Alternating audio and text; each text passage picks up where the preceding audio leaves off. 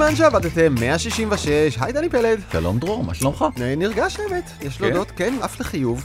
בימים האחרונים קר- קרה מהלך שאני, הקטון, דחפתי אליו כבר שנה וחצי, אבל זה לא אני עשיתי, אה, מדובר בהכנסת האיסים לישראל. אנחנו כדי לעבור חברה סלולרית צריכים היום להזמין את הכרטיס הקטן הזה, הפלסטיק, הסים, כן. ועד שהוא לא מגיע אתה לא... זה, ותחשוב שאתה רגע מפונה או מילואימניק, ואין לך קליטה במקום החדש שאתה נאלץ להיות בו, אתה לא יכול לעבור חברה, כי לאיפה יגיע הדואר עם הכרטיסים? וברמה הצרכנית, מי שיש לו איסים יכול לעבור חברה ככה, ואז המחירים יורדים, ואתה נוסע היום לחו"ל, או שאתה שם איסים ומשלם 6 דולר, או שאתה קונה מהחברה הסולארית שלך ב-200-250 שקל. זה הבדל עצום! Anyway, משרד התקשורת לא נגע בזה בשנים האחרונות, חברות תקשורת לא היה להם שום אינטרס להכניס את זה. עשינו קמפיין בנקסט בשם מטיסים את הסים, משרד התקשורת תחת יועז הנדל כבר זז לכיוון, היו בחירות, הגיע קרעי, ועכשיו הוא הוציא מכתב לכל חברות הסלולר, או שתעשו איסים או שאני אכריח אתכם לעשות איסים. עבר שבוע, ופלאפון הודיע, אוקיי, יש לנו איסים, פתאום זה עובד, פתאום הכל בסדר. אתה יכול להצטרף לפלאפון, לצלם QR מהאתר שלהם, זהו, התחברת. ואז פרטנר אומר, גם אנחנו. כלומר, אתה רואה פתאום רגולציה שעשתה את הפלאק הנכון שלה, והעצימה את התחרות בשוק, מה שעלול להעלות שירות, להוריד מחירים, מה שהרגולציה צריכה לעשות, במכתב. א', זה משמח מאוד, כל דבר שהוא לטובת הצרכנים הוא משמח בדיוק. מאוד. השאלה אם באמת אתה חושב שזה יביא להורדת מחירים, כי גם ככה המחירים בישראל, נמוכים. כן, הם נכון. מהנמוכים בעולם. אתה צודק, חוץ מאשר בחבילות לחו"ל. ושם יכול להיות שיפור, וגם שיפור בשירות. אם קל לך יותר לעבור חברות, חברות צריכות להתאמץ. אני בעד. אה, בוא נדבר על הנושא של היום. אה, נותן השירותים באמת האולטימטיבי של ארה"ב, אנחנו מדברים על מגיש הטלוויזיה טאקר קרלסון, שאולי אינו מוכר לחלק מהצופים הישראלים, אבל לרבים אחרים כן, נאמר שמדובר בדמות עתירת צבע מצד אחד, חזותה של עיתונאי, אך דבריה אינם תמיד מחוברים למציאות. הוא מאוד מזכיר עיתונאי אה, אחר כן, כן. בישראל, יש שיאמרו. הוא היה הכוכב הגדול של פוקס. הוא מאוד קיצוני בדעות שלו. אה, פוקס זה ערוץ הטלוויזיה הימני, החזק. פוקס ניוז. כאילו פוקס ניוז, כן. נכון. בשיא הוא הגיע לארבעה מיליון אה, צפיות בלילה, שזה שיא שלא נשבר עד עכשיו למהדורת חדשות בעידן המודרני. אבל שכחנו להגיד, הוא היה תומך נלהב של טראמפ, ברור. הוא עדיין. והבחירות האלה של טראמפ אה, מול ביידן, וההפתעה הגדולה שביידן אה, ניצח, והם התחילו להעלות כל מיני שמועות. אם אתה זוכר, על זיופים במערכת המחשוב של הקלפי בארצות הברית. יפה, ההצבעות נעשות על גבי מחשב, והטענה שתומכי טראמפ, בעידודו של טראמפ ורבים אחרים, העלו אחת הטענות שזיוף הבחירות נעשה באמצעות מערכות מחשב שאינן הוגנות, במטרה להעביר את הניצחון אה, לביידן, והנה ממש התכתבות פרטית בין קרלסון ובין המפיק שלו. עוד לפני השידור, אה, אומר אה, קרלסון למפיק שלו, אלכס פייפר, תשמע, נראה לי שכל הקשקוש הזה עם התוכנה זה אבסורד אחד גדול. אומר לו המפיק, אין שום ראייה שבעצם הייתה איזה הונאת בחירות פה בתוך המערכת הזאת. כלומר, בתוך המערכת אמרו לקרלסון, שומע? אל תלך על הקו הזה, כן. אל תטען שיש זיופים, כי אין לנו הוכחות לזה. ואז הוא עלה לשידור ואמר את הדבר הבא. We could go on tonight about what happened in last week's election, and in future shows, you know that we will. But for now, let's sum it up. Here's the point. We don't know how many votes were stolen on Tuesday night. We don't know anything about the software that many say was rigged. We don't know. We ought to find out. But here's what we do know. On a larger level, at the highest levels, actually, our system isn't what we thought it was. שמע, זוהי מופת של זריית חול בעיניים והטיית מחשבות ללא שום מעורבות של עובדות או אמת. ממש. אתה רואה את זה ואתה מבין שהכל שבור, נכון? שהמערכת בחירות כן. בארצות הברית היא שבורה לחלוטין. הוא, הוא, הוא אומר, כדי להתגונן מתביעה לכאורה, מה שלא הצליח לו, הוא אומר, אנחנו לא יודעים כלום. אנחנו לא יודעים כלום. רבים אומרים שהמערכת הזאת מקולקלת, ואנחנו מבינים שהיא לא מה שחשבנו שהיא. כלומר, זה... היום זה מקובל בישראל לומר, אני רק, יש לי שאלה, נכון? כן. מה שאתה עושה זה אתה מכניס לאנשים את הטענה הכוזבת לתוך המוח, ועל כך הוא נתבע. זה טכניקה, דרך אגב, שבאמת בכמה חודשים האחרונים נהייתה מאוד פופולרית בישראל. אני רק שואל. אגב, כשאתה שומע את הפתיח אני רק שואל, מיד אחריה תבוא רמיזה נבזית וחסרת קשר לעובדות. נכון. אז כל הסיפור הזה בעצם נחשף רק לפני חצי שנה, כי דומיניון, החברה שיצרה את התוכנה, תבעה את פוקס ניוז, הגיעה איתם להסדר כספי, אבל אז הם היו צריכים לחשוף את כל ההודעות אה, אס.אם.אסים חייבים כאילו לבית המשפט, כמובן שתבעה והוכח שהיא צודקת, כן? נכון. לא היו הטיות, ופוקס הייתה צריכה לשלם ולהתנצל, ו... לפטר את אה, טאקר קרלסון. עכשיו כל ההקדמה הארוכה הזאתי, זה כדי להגיד לך שכל הדבר הזה בסופו של דבר הפך אותו לכוכב עוד יותר גדול, כי בשבוע שעבר, ביום שישי, הוא ראיין את ולדימיר פוטין נשיא ברית המועצות, רוסיה, סליחה. לאן הוא היה, הלכת? רוצ- דרך אגב, הוא היה רוצה. ממש. נכון, זה או- כאילו, אולי הוא יצליח. זאת השאיפה שלו בעצם, זה כאילו היה קצת אה, טעות פרוידיאנית, אבל כן. רוב הראיון, הוא דיבר חצי שעה שלמה, פוטין, פוטין, הרצה. משנת 1000 עד שנת 2024, איך בעצם אוקראינה היא חלק מרוסיה. קרלסון שכאילו נקלע לאירוע הזה, פתאום אתה רואה אותו כזה, הוא לא מבין איך הבן אדם חצי שעה כאילו מדבר על הדבר הזה, אבל מה שמדהים הוא, זה לא עצם הרעיון, זה איפה הרעיון הזה נערך, והוא נערך בטוויטר, a.k.a. X. זה די מדהים, כי העולם הישן, שבו היית מצפה לראות כזה רעיון, CNN, אולי אפילו Fox News, הוא כבר לא רלוונטי, והרעיון הזה הגיע לכמעט 200 מיליון צפיות בטוויטר. מטורף. זה מטורף. ה- הנראות, הג'נטלמנים יושבים חלופים בחליפות, ענובים בעניבות, עם תאורה, מצלמות, במין... בקרמלין. בקרמלין, כיסאות ומחזה שנראה כמו אה, רעיון טלוויזיוני. אני לא ראיתי את הרעיון הזה, אני ראיתי את ההסבר של טאקר קרלסון לפני הרעיון, מדוע הוא הולך לעשות אותו, וגם הוא היה מופת של התפתלויות והתנצלויות, מדוע כאזרח אמריקאי ששואף לחופש דיבור, יש לשמוע גם את התוקף ואת הגרסה שלו, וכמובן שהרעיון היה מאוד מאוד נעים ומחמיא לפוטין, באופן שאף עיתונאי לא היה מעז בעצם לעשות. בעיני הרבה מאוד עיתונאים זה לא היה ריאיון, זה היה פשוט PR. עכשיו, פוטין בחר את קרלסון לעשות את הריאיון הזה, זה הריאיון הראשון שלו מאז שהתחילה המלחמה באוקראינה. כן. זו פעם ראשונה שבעצם פוטין מופיע מול המערב ואומר את דברו. זה מסמן משהו שהוא משהו הרבה יותר גדול, ואני מחבר פה עוד כמה נקודות שקרו, הכל קרה בשבועות האחרונים. כן. שמעת על פירס מורגן? כן, בוודאי.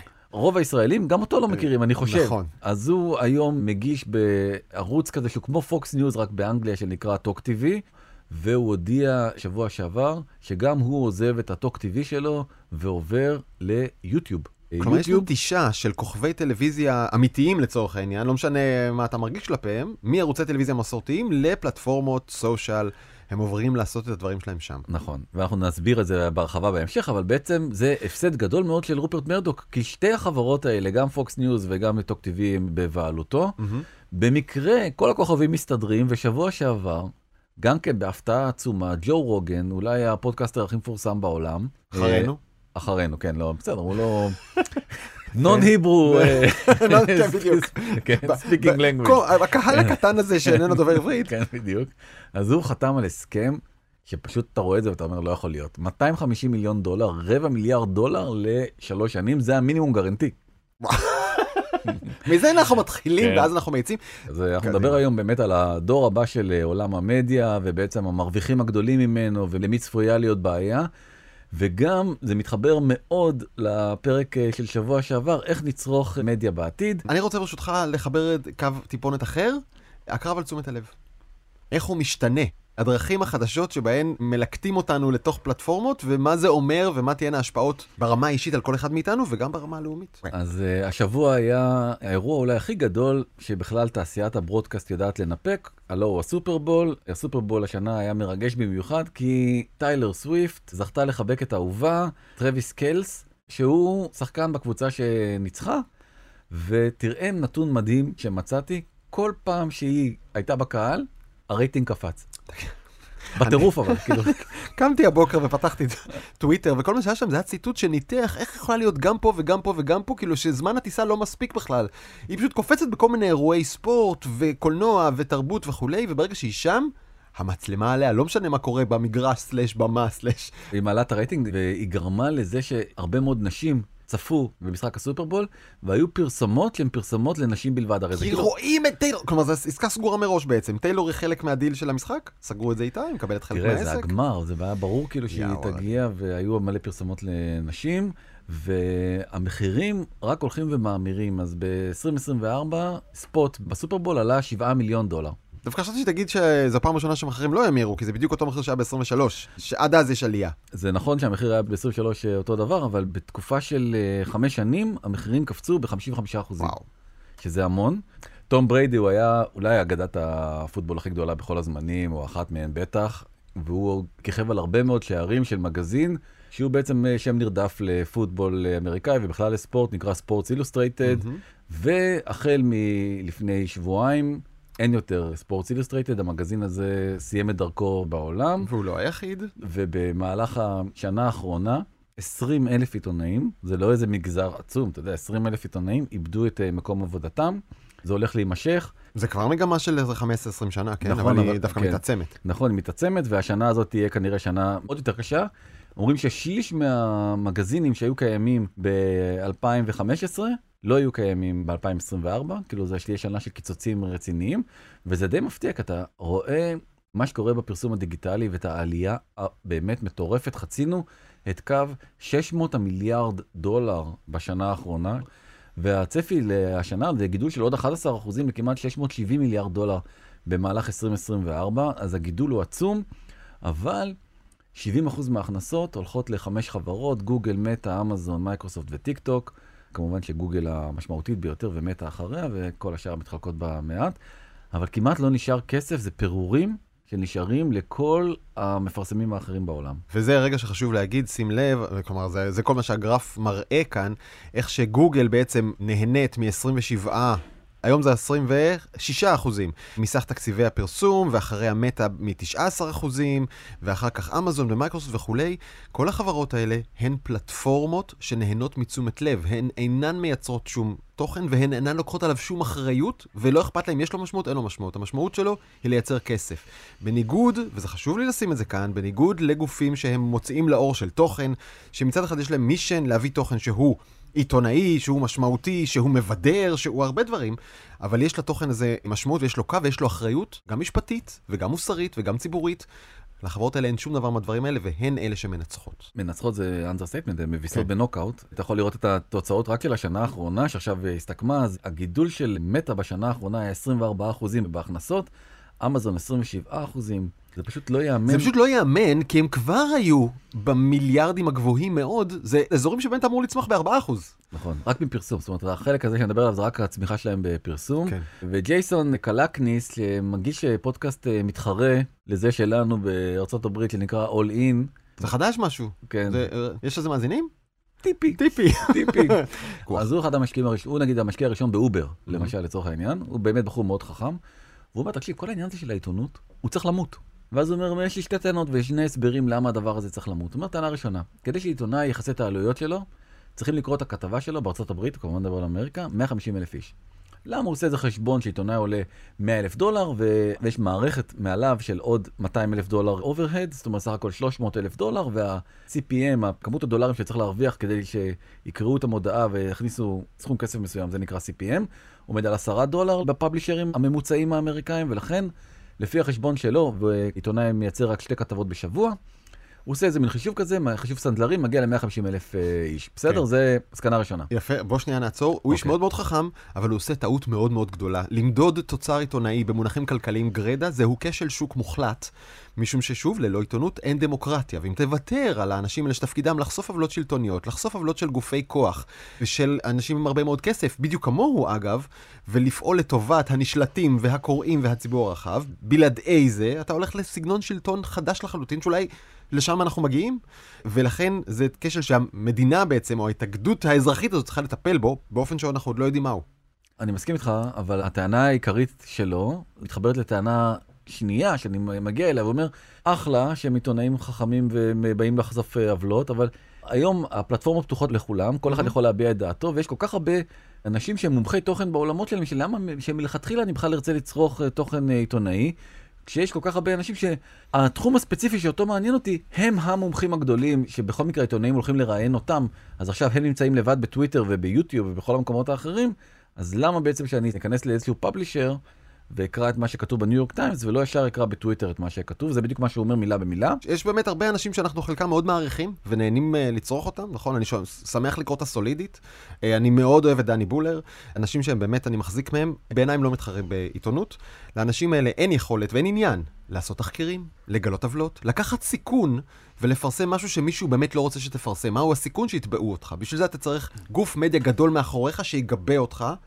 אני קורץ מכאן אהלן לאילנה דיין בעובדה, בסדר? היא יכולה לעשות תחקיר, היא יכולה לעמוד בפני תביעות, היא יכולה לקבל מכתבים מעורך דין ולהגיד, שומע? בדקנו, תבע אותי. והיא עושה את זה לא מעט. כשצריך, כשיש לה אמת ביד, וזה המקצוע שלה. זה איננו המקצוע של האנשים האלה. אין קשר בין האנשים האלה שאני מאוד אוהב, ובין לשמור על המהות של דמוקרטיה ולחשוף מידע שאחרים רוצים להסתיר. אתה מסכים איתי אבל שהדבר הזה הוא תלוי זה שאת אילנה דיין יצפו מספיק אנשים כדי שתוכל לממן את התחקירים האלה. עכשיו, אם הכסף לא זורם לשם, כל המעגל הזה פתאום נשבר. אה, אתה יודע מה, סליחה, לא מוניתי לדבר בשם קשת בעניין הזה, אבל אני בטוח שבמונחים כלכליים מסוימים היה לקשת קל יותר בלי. אבל קשת חושבת, סליחה, אני, אני, אני חושב את זה, שקשת מבינה שזה חלק מהתפקיד הציבורי של מדינת ישראל. לבצע תחקירים ולייצר חדשות, גם אם הן לא כלכליות באותו רגע. אני מסכים איתך. זה אבל- לא התפקיד של האנשים האלה שעובדים ברשת, שאני מאוד אוהב אותם אגב. אני גם חלק מהם במידה רבה. כן. אותי זה הביא לתובנה אחרת הרבה יותר מצערת, והיא שהכוכב הוא אתה. אתה זוכר שהיה סלוגן כזה של אה, סלקום, סלקום? כן. אז הגענו לשם, זאת אומרת, העולם מביא אותנו למקום שבו, ודרך אגב, תכף אני אראה לך עוד אה, סימוכין לדעה הזאת שאני, אתה רואה את כל הנתונים, אתה פשוט מבין שלשם העולם הזה הולך, ותסתכל שנייה, נחזור חזרה לטאקר קרלסון, ברגע שהוא עזב את פוקס ניוז, פוקס ניוז בצלילה, ממש, צלילה משמעותית, הם לא חזקים אה, כמו שהם היו ביחד איתו. למה? כי המותג פוקס ניוז הוא מותג חלש בהשוואה למותג של המגיש. לשם העולם הזה הולך, ואולי הדוגמה הכי טובה שכולנו מכירים, והמלחמה אה, הפכה אותו אותו. ממישהו שבישראל לא הכירו, בארצות הברית הוא כבר היה superstar הרבה הרבה קודם. אני מדבר על אה, בן שפירו כמובן, יש לו פודקאסט יומי שנקרא The בן שפירו שואו, והוא חלק מחברה שהוא בנה שנקראת Daily Wire, והחברה הזאת, נכון ל-2022, אני בטוח שעכשיו זה כבר הרבה יותר בשנה שעברה, עוד לא התפרסמו נתונים, הוא מייצר 100 מיליון דולר הכנסות בשנה. על המותג שלו, על הבן שפירו שואו. עכשיו, כמה אנשים לדעתך עובדים בבן שפירו שואו הזה? 15. יפה, כן? תכפיל בעשרה, אה, 150? 150 איש. אז זה לא יפה, אה, לא הייתי במספרים. תשמעו, זה, זה אחלה קורפרציה, 150 איש. אבל הכל כן. זה סביב בן אדם אחד, הוא נושא את שם החברה, הוא נושא את שם התוכנית, הכל זה כדי לקדם אותו לעוד מסכים, לעוד הזדמנויות, לעוד ספונסרים וכן הלאה וכן הלאה.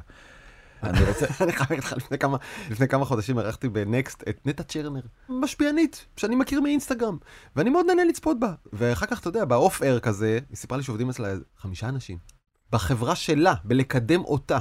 כלומר, זה חתיכת מודל שכמה שאני אומר, אין, זה לא עיתונות, יש בו גם משהו שאני כן מחזיק ממנו ומעריץ אותו. כלומר, זו חברה שיש לה ביזנס קייס ברור, והיא מצליחה. הסוג הזה של החברות. אבל זאת הפואנטה. בסוף בוחרים מישהו שהוא הוא הפרונט של כל הדבר הזה, זה כבר לא מותג, זה כבר לא CNN, זה כבר לא וול סטריט ג'ורנל, זה בן שפירו וטאקר קרלסון, והם המותגים. נכון. זה ממש מוביל אותי, כי אני רוצה לדבר איתך באמת על אה, יוטיוב. יוטיוב הפכה להיות פלטפורמה, זה תלוי באיזה קבוצת גיל אתה, אבל בפער עצום הפלטפורמה שזוכה להכי הרבה תשומת לב בכל קבוצות הגילאים, כולל 65 ומעלה.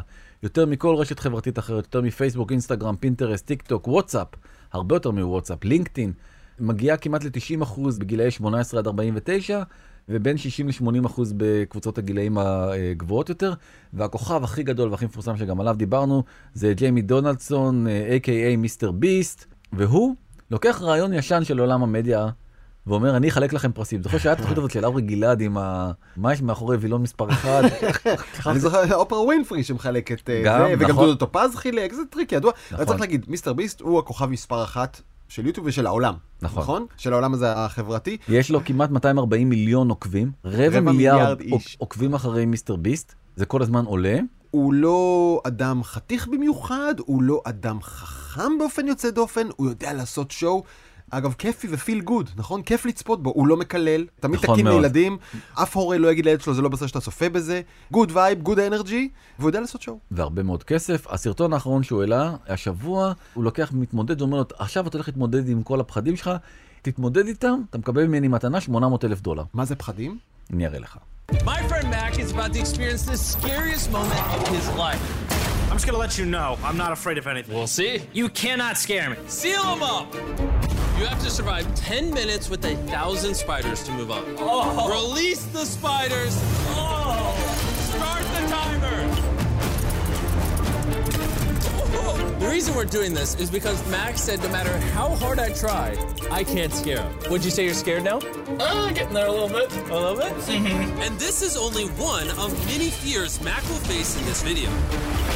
Oh god! And if he can successfully face all of the fears, he will win $800,000. נפיל אותך עכשיו מגובה של 50 מטר, ונראה כן. איך אתה שורד את זה וכולי. זה סרטון מדהים, באמת, גם עשוי פשוט מעולה כמו חברת הפקה, וגם אצלו, אתה יודע, בטח עובדים, לא יודע, כמה מאות אנשים קל. הדבר המדהים הוא, זה האסטרטגיות שהם בונים. הם מבינים שבעצם פלטפורמה אחת בודדת היא לא מספיק. ולכן סטטיסטה בנו איזשהו מין מערך של איך ממקסמים את החשיפות ואת הכסף שאתה מקבל תמורת הפרסום שלך. אז הדרך הכי יעילה זה לעשות סרט ביוטיוב, לגזור ממנו סטורי לאינסטגרם. ככה ממקסמים את הכסף, כמו שאתה יכול לראות איקס כאילו למעלה, למעלה, למעלה, תכף נגיע לזה.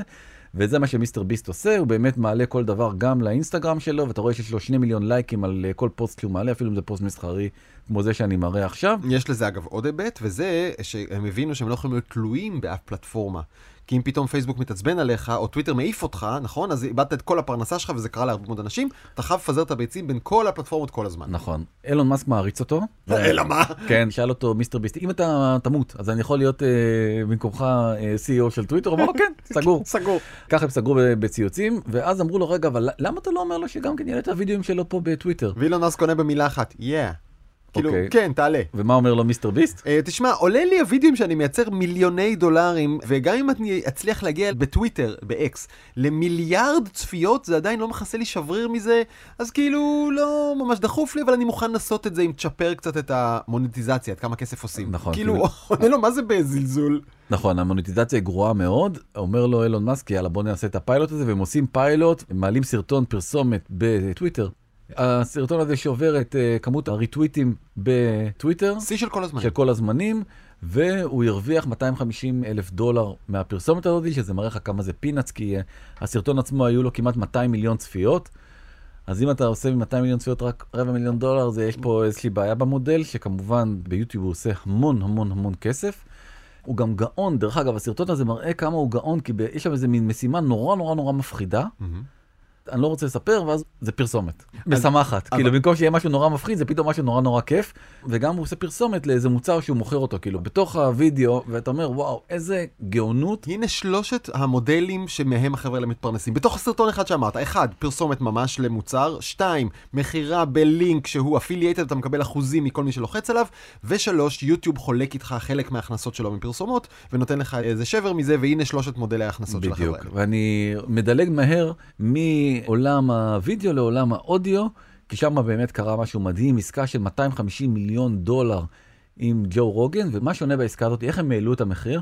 העסקה הקודמת הייתה של 100 מיליון דולר, אבל הייתה בה אקסקלוסיביות, זאת אומרת, יכולת לשמוע את ג'ו רוגן אך ורק בספוטיפיי. ואז הם הבינו, רגע, זה די טיפשי. זה מתחבר חזרה לכמה כסף אפשר לעשות אם הוא יהיה בכל הפלטפורמות. אז אמרו לו, אתה יודע מה? אתה עושה עסקה עם ספוטיפיי, ולך, תהיה באפל. בא לך להיות באפל, תהיה באפל, חבוב. לך תהיה ביוטיוב. אנחנו אבל נעשה את המוניטיזציה גם באפל וגם ביוטיוב, ואנחנו נוכל להרוויח הרבה יותר כסף מהמוצר הזה, וככה גם לשלם לך יותר כסף, וככה נחתום איתך על עסקה של אה, רבע מיליארד דולר. אה, לתשומת לב אה, קברניטי קשת, אני אומר. אני גם, גם 25 מיליון דולר זה עסקה... אפילו- אפילו שתיים וחצי אני מתפשר. מה שמדהים הוא, זה שבאמת זה מדיום כל כך טוב, כי התשומת לב כשאתה בפודקאסט היא רק לפודקאסט. זה לא כמו לראות וידאו אפילו, בטח לא כמו לגלול באיזה פיד. לא, אני אומר את זה זה באמת. נורא נכון, כי כשאתה מקשיב, אתה בהגדרה עושה עוד משהו עכשיו. ולכן נכון. לא יהיה לך עוד attention לעוד משהו, נכון? אתה, אתה נוהג, אתה שוטף כלים, אתה לא יודע. נכון. משהו אתה כבר עושה. כן. אתה עושה פעולה ברמת המורכבות כאילו רץ. פשוטה, אז לכן מלוא תשומת הלב נתונה לפודקאסט. תראה מה קורה לשוק הפרסום, שוק הפרסום פשוט הולך וצומח בצורה מאוד משמעותית, בכמעט 30 אחוז שנה אחרי שנה, וכבר מגיע כמעט לכמעט 2.5 מיליארד דולר רק בארצות הברית. בפודקאסטים. בפודקאסטים. אבל אני חוזר חזרה לשאלה שדיברנו על כל האנשים הנהדרים האלה. מי עורך אותם? מי עורך אותם ביוטיוב? מי עורך אותם בספוטיפיי? אני יודע את התשובה. מי? הקהל הרחב. רק הווירליות והצפיות, שום אתוס אחר, מקצועי, ענייני, מוסרי, כלום. זה לא מפחיד? מאוד מפחיד, בוודאי שזה מפחיד. העובדה שאין אף אחראי, נורא קשה לתבוע ולדרוש סטנדרט כלשהו של אמת, סתם הוצאת דיבה.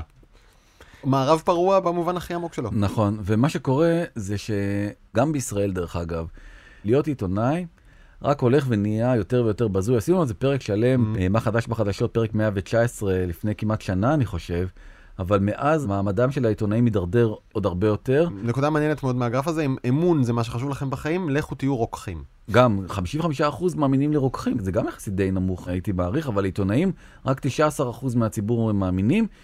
יש רק מקצוע אחד שמאמינים לו פחות מעיתונאי, וזה חבר פוליטיקאי. הכנסת. שזה די uh, מזעזע.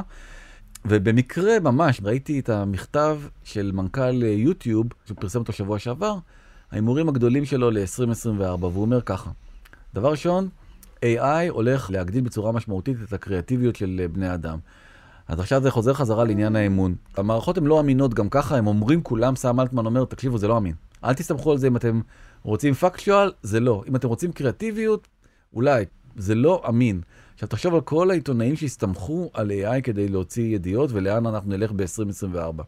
והדבר השני, שזה בעצם מה שאני מנסה להגיד פה כל הפרק הזה, הוא אומר, קריאייטורים, יוצרי תוכן, הם הולכים להיות הדור הבא של הסטודיואים. הסטודיו הוא הקריאייטור. מיסטר ביסט, הוא יהיה חברת המדיה. תשמע, ב-7 באוקטובר ירדה התוכנית האחרת שלי כאן נקסט, כן? כן. מאז אני עושה אותה מהבית, מהאולפן שלי. ברור שככה עובדים, ואני מאחר למסיבה הזאת. ככה עובדים כולם. זה לא עולה כלום יותר. נכון. להיראות כמו טלוויזיה לא עולה כלום. לא עולה כלום, לא צריך כלום, צריך אה, מיקרופון ולפטופ בשביל לייצר כן. פודקאסט, להוסיף לזה עוד מצלמה. דרך אגב, מצלמת DSLR פשוטה כזאת, אתה מגיע לאיכויות כמו של הסטודיו הכי מתוחכם אייפון. בעולם. אתה, לא אייפון, בוא נגיד, אה, עדיין יש להם דרך כדי להיות אה, לגמרי מקצועי, אבל, אבל כן, אבל גם באייפון אפשר להגיע... אתה זוכר איך- איך הפודקאסט הזה נכון, נולד? כ- נכון, התחלנו אותו עם האייפונים שלנו. נכון. כתבה מאוד מעניינת במגזין אטלנטיק, עלייתה של הסמכותנות הטכנולוגית והפחד הגדול מהדבר הזה, ואני פה רוצה שנייה לעצור איתך על הנקודה הזאת, כי אומרים באטלנטיק, מה שקורה זה שבעצם מי שמחליט איך ייראה העולם שלנו, לאיזה חדשות אנחנו נחשף, מה יגביר את ה engagement, בעצם את המעורבות הרגשית שלנו, או פחות, יהיה הקברניטים של אותן אה, חברות big tech גדולות, כי הם בעצם מחליטים על איך האלגוריתם הזה בנוי. והדבר הזה הוא סכנה אמיתית לדמוקרטיה. זה לא איזה מילים אה, יפות וגבוהות. ראינו את זה טוב מאוד פה בישראל, אפשר לכתב ואפשר לפלג ואפשר... לשקר. בקיצור, זוהי סכנה שהיא לא עתידית, היא החיים שלנו, היום. מה יצליח יותר בפיד? תחקיר על מנהל משרד הרווחה הכושל והזה בירוחם, או סרט על חתול שקפץ על גב של כלב? ברור לנו מה יצליח, אבל מה חשוב? יש מקום גם לוויראלי ולמשעשע, אבל צריך להיות איזשהו איזון ביניהם, וכשהוויראלי מחליט הכל, מחליט את סדר היום, אז מנהל רשות הרווחה, שהוא הכל בסדר איתו, אני לא מכיר אותו, יכול לעשות עוולות ככל העולה על רוחו, אף אחד לא ידע מזה. נכון. רצינו לקבל אה, עוד הוכחה לדבר הזה, אז בעצם ממש לפני שלושה ימים הודיעה חברת מטא שהיא הולכת להקטין בצורה משמעותית את החשיפה של פוסטים פוליטיים בבחירות הקרובות בארצות הברית. זו דרמה עצומה. אה, ועכשיו הרבה מאוד עיתונאים עזבו את X, שהייתה מבחינתם מקום מאוד מזוהם וקשוח ומפלג, ועברו ל-threads של אה, מטא. פתאום כל אותם עיתונאים מתבשרים שהפוסטים שלהם לא יזכו לחשיפה. מדוע? כי מטא לא רוצה שיהיה דיונים פוליטיים בתוך כן. אה, threads. זה אומר שאתה לא תקבל יותר עדכונים פוליטיים, אלא אם נרשמת ישירות לערוץ של הבן אדם הזה. אבל סתם לקבל בתוך הפיד הרגיל שלך, שבו יש גם אנשים שלא נרשמת אליהם, לא תראה יותר פוליטיקה, ובזה פייסבוק אומרת, אנחנו לא יודעים לסנן את זה, אנחנו לא יודעים להתמודד עם הבלגן הזה, אז אנחנו מפנים את העורף, שלכאורה זה אחלה. מצד שני צריך לזכור, היא כבר הצליחה לשאוב תשומת לב מכלי תקשורת, ועכשיו היא בעצם מכחידה גם את האפשרות להפיץ חדשות משם. אה, מה יעלה עכשיו, שיעור החדשות הטובות או שיעור הפייק ניוז? נכון, עכשיו תוסיף לזה את כל הדבר הזה לבעיה שהולכת וגדלה בארצות הברית. דיברנו עליה בעיקר בהקשר של אסיה, אם אתה זוכר, בפרק מיליוני אנשים לבד, פרק 128, בהקשר של אה, אה, דרום קוריאה ושל יפן, של אנשים שלא יוצאים מהבית. זהו, זה הגיע לארצות הברית, וזה הופך להיות, להיות מגפה גם אה, בארצות הברית, והם בדקו משהו מאוד מעניין, הם אמרו, בוא נסתכל מתי אוכלים בארוחת ערב בארצות הברית. ב-2003 השעה הממוצעת לאכול בארוחת ערב הייתה בין 7.5 ל-8, והתקרבנו ל-2023, ואנשים עד 7, לא משנה באיזה קבוצת גיל אתה, אתה בבית. של אנשים צעירים. ואת אינה שזה אינדיקטור לבדידות ולמיעוט חיים חברתיים. נכון, זה לא מנותק הדבר הזה, זה מחובר לעוד אה, נתונים אחרים, שמראים שאנשים פשוט לא יוצאים מהבתים בסופי שבוע, וגם בגילאים הצעירים, אתה רואה, זה גילאי 25 עד 34, יוצאים גילאי פחות 18, ופחות, ב-20 שנה האחרונות, וואו. בטירוף, ועלייה בזמן המסכים, שפשוט רק עולה ועולה ועולה, זה גרף חד של עלייה, ורואה את כל הדבר הזה בוב אייגר, מנכ"ל דיסני? כן, ואומר, איך אני מתמודד עם העולם הזה? ואז הוא אומר, טוב, בוא נחזור שנייה, back to the basics. מה אנשים בעצם אוהבים הכי לראות במסכים שלהם? live events ב live, וספורט. נכון, יפה. live events וספורט. במקום הראשון ספורט, והם מחליטים השבוע על מהלך, לא ראיתי אותו מגיע, מהלך מדהים. כל חברות המדיה הגדולות בארצות הברית אומרות, אנחנו עכשיו חוברים יחד, דיסני, פוקס ווורנר, מאחדים יחד את כל ערוצי הספורט שלנו, כל ה-ESPNים שלנו והפוקס ספורטס ו-TNT, ו-TBS ביחד לאפליקציה אחת שבה יהיה לך את כל הספורט שבעולם. מכל המתחרים. המתחרים המרים שמתחרים אחד בשני. יש כאן מהלך כאילו שנראה לך מונופוליסטי, אבל... כן, נשמע לי שהממונה להגבלים אה, צריך זה, נכון? יפה. הממונה לתחרות. נכון, אבל השאלה מול מי התחרות? בדיוק, מהו השוק? מי השוק? אם השוק הוא שוק המסכים, הם בכזה הפסד, הם בכזה deficit, כי רק המחוברים לכבלים צנחו בחמש שנים האחרונות מ-100 מיליון בתי אב ל-70 מיליון בתי אב. עוד שנייה לא יהיה כבלים בארצות הברית. בוב אייגר אומר, אני חייב לעשות מהלך בולם. הייתי מציע להגדיר את השוק הזה בתור מי מצליח להוציא לך יותר דופמין מתוך המוח. זה התחרות, נכון? מה יותר ממכר ומה יוציא יותר דופמין. סקוט גלווי אומר שהמהלך הזה גאוני. זה קצת מזכיר לי את מלחמת העולם השנייה. החיבור בין המתחרים. החיבור הזה בין המחירים, הרי דיסני ופוקס ווורנר הם שונאים אחד את השני בתחרות כאילו, באמת, אין דברים כאלה. אבל פתאום יש אויב אחד גדול, שנקרא גוגל ופייסבוק, מטא, טיק טוק, שמאחד אותם נגדם, ואומרים, אוקיי, יש כאן אויב יותר גדול. הוא אומר, זה כמו שפולין וארצות הברית, הם לא היו חברות לפני מלחמת העולם השנייה, אבל היה אויב אחר, אני עוד פעם, אני מביא דברים בשם אומרם, היה אויב אחר גדול יותר, שפתאום הפך את uh, פולין, אנגליה ואת ארצות הברית ועוד מדינות אחרות, לחבור יחד כדי לנצח אויב גדול יותר, וזה מה שקורה כרגע בארצות הברית. כן. לא ברור עדיין כמה זה יעלה, הערכות הן סביב 45 דולר, אבל אף אחד לא יודע, והדבר השני המדהים אני שהוא עושה... חייב להקביל את זה, אני קשור באיזשהו מהלך שרוצה לחבר בין גופי עיתונות ותקשורת ישראלים. מתוך אותה הבנה, יש לנו אויב יותר גדול. נכון, והדבר השני שהוא עושה, זה אומר, אני מבין גם שהם לא כל כך רוצים לראות טלוויזיה יותר. ואיפה הם נמצאים בעיקר כשהם לא רואים טלוויזיה? בפורטנייט. נכון, פורטנייט, גם על זה דיברנו באחד הפרקים. אתה יודע, הכל מתחבר. אז דיסני רוצה להתחבר עם פורטנייט. אז דיסני רוצה להתחבר לפורטנייט, עושה את ההשקעה הכי גדולה שנעשתה בפורטנייט, משקיעה מיליארד וחצי דולר, מיליארד וחצי דולר בפורטנייט, כדי לייצר איזשהו universe משל עצמה, מישהו אמר את המילה מטאברס? אף אחד? אבל אני רוצה לדמיין את אה, מיקי מאוס יורה על אנשים בתוך פורטנייט, איכשהו לא, זה לא יורד לי בגרון. אז מיקי מאוס הוא כבר חלק מה bundle הזה, אבל באמת החלק המעניין זה החלק של המשקפי XR נקרא לזה לצורך העניין, VR ו-AR ביחד, כן. שכבר בתוכם יש את האפליקציה דיסני פלוס, שאומרים שהיא אחת האפליקציות המדהימות, היא לא פתוחה פה בישראל, אבל אחת האפליקציות המדהימות, עם תוכן תלת מימד, ותחשוב על זה שעכשיו תוכל להיות גם בתוך פורטנייט, בתוך ויז'ן פרו של אה, אפל. זה מורכב, כי אפיק ואפל זה שתי היריבות הכי גדולות, הן כל הזמן מתכתשות בבית המשפט. אפל ניצחה את אה, אפיק בניגוד לגוגל שהפסידה. הולך להיות מאוד מאוד מעניין, ואני בטוח שהם מסתכלים על המשקף הזה כשהם אה, עושים את השיתוף פעולה הזה. אני מאוד נהניתי לשים אותו על הראש. אה, נכון, איך היה? אה, אין לנו כבר זמן כי נגמר לנו הזה, אבל אה, את חוויותיי פירטתי, גם במאקו וגם באינסטגרם. זו חוויה מטורפת, שעוד לא ברור למה צריך אותה. יתברר בהמשך. כן, במרוצת הדרך. ואני גם לא הספקתי להגיד מילה, ואני חושב שכן צריך לשים עדיין כוכבית, שאנחנו עוד, המדיה עוד אה, לא באמת מוכנה לאיום הגדול מכולם, שהוא האיום של הבינה המלאכותית. גם העיתונות לא. עיתונות זה חלק מהמדיה. OpenAI כבר מינתה בחור צעיר בן 33 בשם ברד לייטקאפ. אוקיי? שהוא כבר סגר את העסקה הראשונה עם אקסל שפרינגר, שמשלמים כמה עשרות מיליוני דולרים כדי ש-OpenAI תוכל לסרוק את התוכן, ובעצם גזרו את גזר דין המוות שלהם ברגע שהם עשו את זה, לדעתי. אה, כי אף אחד יותר לא יקרא אקסל שפרינגר, אתה תוכל לקבל הכל ב-OpenAI. וזה מה שנשאר לך לתרום לעולם, להיות חלק מאימון של איזה AI. אני מאמין שתלת מימד הוא בלתי נמנע, כי מדובר בהתאמה של מערכת הבידור למערכת החושים שלנו. יש לנו שתי עיניים, אנחנו רואים את העולם בתלת מימד. זה טבעי שנרצה גם את הבידור שלנו ככה. נותר לנו רק להנגיש את הטכנולוגיה. זה יותר המודל העסקי מאשר החלק הטכנולוגי, אותו כבר פתרנו, הסביר ג'יימס קמרון, היוצר של אבטר תלת מימד. ב-2012, לפני 12 שנים. תחשוב מה זה, הוא כזה visionary? visionary. אבל איפה visionary הטכנולוגיה? Pro, visionary pro. בגדול. אנחנו נגיד תודה לעורכת שלנו אפרת מירון ולתומר וולף ולמוטי אונן על הסיוע הטכני וכמובן לחברים שלנו במאקו. כל הכישורים שאתם צריכים כדי לעבוד איתנו. אם מחכים לכם בהופ-ביו/בזמן, איפה רואים, איפה שומעים, הכל מחכה לכם שם. הדיונים הם מאוד מעניינים, גם אחרי הפרק ממשיכים, בקבוצה שלנו בפייסבוק, בזמן שעבדתם, גם החומרים שראיתם כאן, מחכים לכם שם, הערות, טענות, הצעות, למייל שלנו, בזמן את קשת מקף טבעי.קום או לוואטסאפ 03 7676 012 עד כאן. עד כאן. ביי.